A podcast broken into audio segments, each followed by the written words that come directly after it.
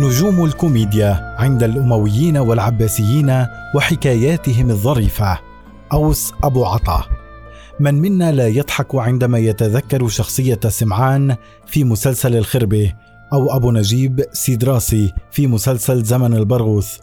تلك الشخصية الكوميدية المجبولة على البخل والشح والتكسب والارتزاق فهو بكل وضوح رب البخل وأستاذ جامعي في أساليب التسول وطرائقه والسلبطه واللقوطة بلغة أهل الشام.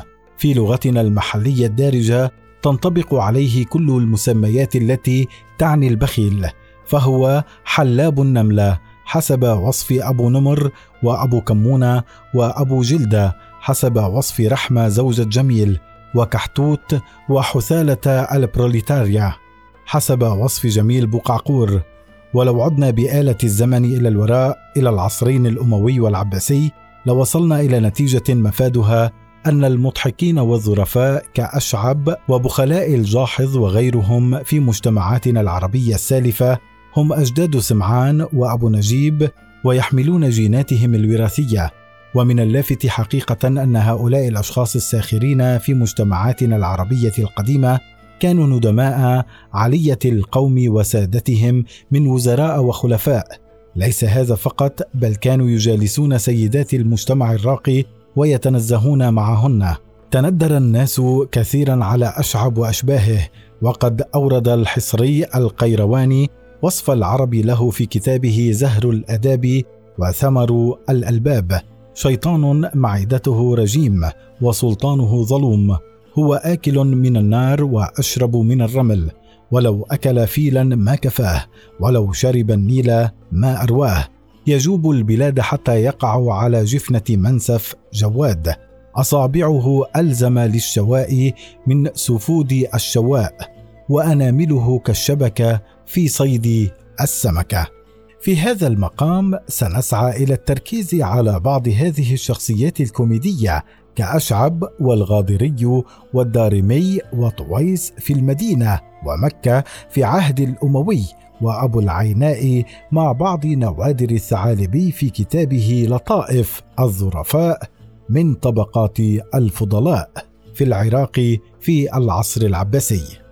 أشعب وهوس الترند الأول.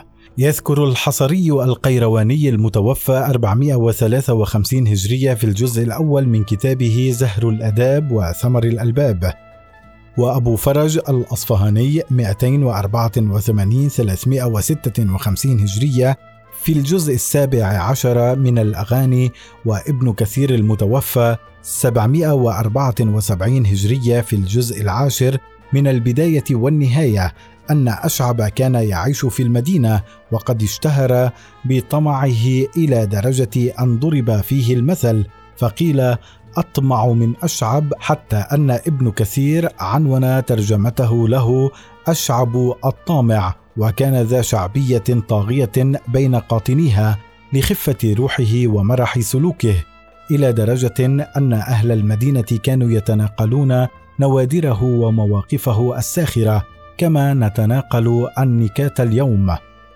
بدأ مضحك أهل المدينة حياته في منزل السيدة عائشة بنت عثمان مع أبي الزناد وهنا أسجل بعض هذه المواقف الساخرة التي تظهر طمعه وغباءه أو تغابيه إن جاز التعبير. قال أشعب أسلمتني أمي إلى بزاز خياط فسألتني بعد سنة أين بلغت. فقلت في نصف العمل. قالت وكيف؟ قلت تعلمت النشر القص وبقي الطيء الحياكة. قالت أنت لا تفلح. وفي موقف ساخر آخر قيل لأشعب أرأيت أطمع منك؟ قال نعم كلبة آل فلان. رأت رجلين يمضغان علكا فتبعتهما فرسخين تظن أنهما يأكلان شيئا. وبسبب شعبيته العارمة كان سادة المدينة وسيداتهم النبيلات تحلو لهن مجالسته ومرافقته وكان ينتهز هذه الشعبية ويقيم في بيوتهم اياما وليالي وهو يستغل ذلك أبعد استغلال. فيلتهم بشراهة أطيب ألوان الطعام والشراب. وله مع السيدة سكينة بنت الحسين حفيده الرسول الكريم صلى الله عليه وسلم طرائف عديدة أذكر منها التالي. يروى أن السيدة سكينة انزعجت من أشعب فحلفت أن يحلق لحيته واستدعت الحجام فقالت له احلق لحيته. فقال له الحجام أنفخ شدقيك لأتمكن منك. فقال له أأمرتك أن تحلق لحيتي أو تعلمني الزمر؟ والجدير بالذكر أنه كانت هناك منافسة محتدمة بينهم وبين مضحك آخر يدعى الغاضري. وللأخير مواقف تدل على جشعه هو الآخر. لكن حسب القيرواني أن أشعب كان أطمع وأكثر جشعا ويروي الزبير بن بكار أن الغاضرية شوهد وهو يتخاصم مع أشعب عند بعض الولاة وكل واحد منهم يتهم الآخر بأنه يدخل عليه في صناعته ويشاركه في بضاعته.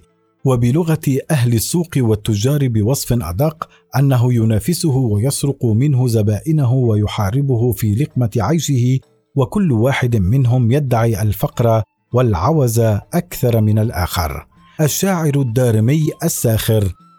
يريد الأصفهاني في الجزء الثالث من الأغاني ترجمة ممتعة للشاعر الدارمي ويذكر بعضا من مواقفه الهزلية وهو أيضا يتسم بالجشع والحرص حاله كحال زميليه في المهنة الأشعب والغاضري ومن هذه المواقف أن الدارمي كان عند بعض الولاة فأغفى الوالي فعطس الدارمي عطسة مجلجلة ففزع الوالي فزعا كبيرا ثم استوى جالسا وقال له أتفزعني؟ قال الدارمي كلا ولكن هذا عطسي فقال له الوالي ائتني ببينة على ذلك يريد الوالي دليلا على أن الدارمي يعطس هكذا فخرج الدارمي فأتاه برجل فسأله الوالي بما تشهد لهذا؟ قال الرجل أشهد أني رأيته مرة يعطس عطسة فسقط ضرسه فقهقه الوالي. وفي حادثة أخرى يروي صاحب الأغاني أن جارية طلبت من الدارمي طيبا عطرا فتورط الدارمي ووعدها بذلك ثم لم يلبث أن تراجع عن وعده وقال أنا بالله ذي العز وبالركن وبالصخرة. من اللائي يردن الطيب في اليسر وفي العسره وما أقوى على هذا ولو كنت على البصره لشدة بخل الدارمي حتى لو كان اميرا على البصره في العراق فهو لا يستطيع شراء العطر من فداحة حرصه فنفسه الشحيحة لا يؤتيها أن تنفق المال. فالأمر عنده نفسي أكثر من أي شيء آخر.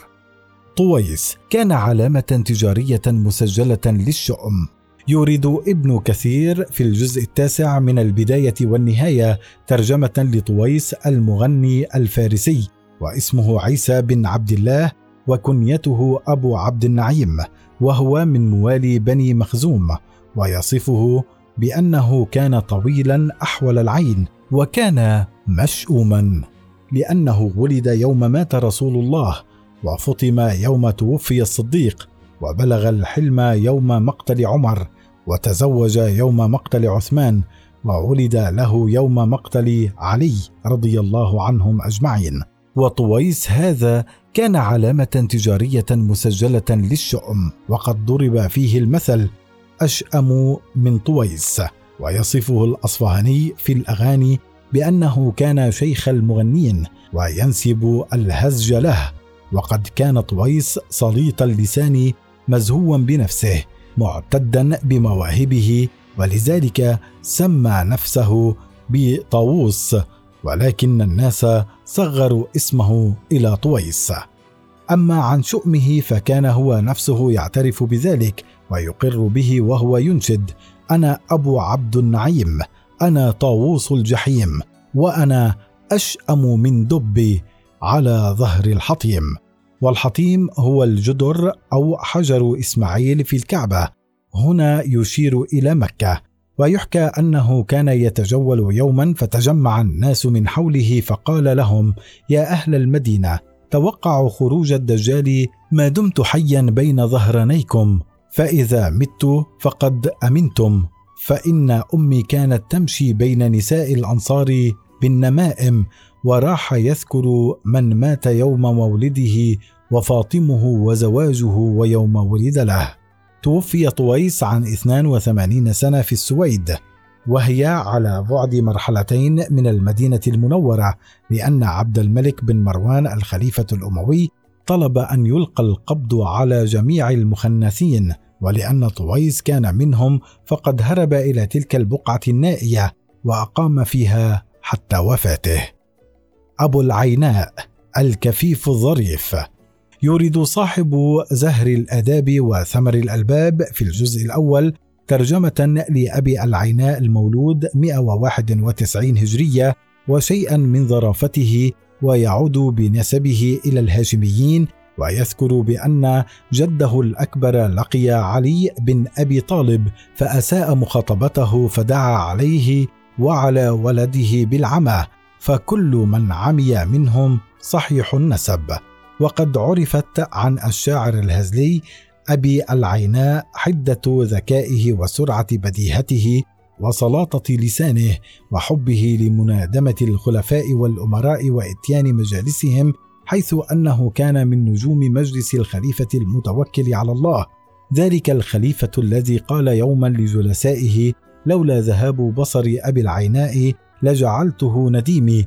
وقال أبو العيناء لما بلغه ذلك إن كان يريدني لقراءة نقش الخواتم وقراءة الأهلة لم أصلح فضحك الخليفة واتخذه نديما وهذا شرف لا يوازيه شرف ومرتبة عالية من اسمى المراتب يطمع بها ويطمح إليها الجميع.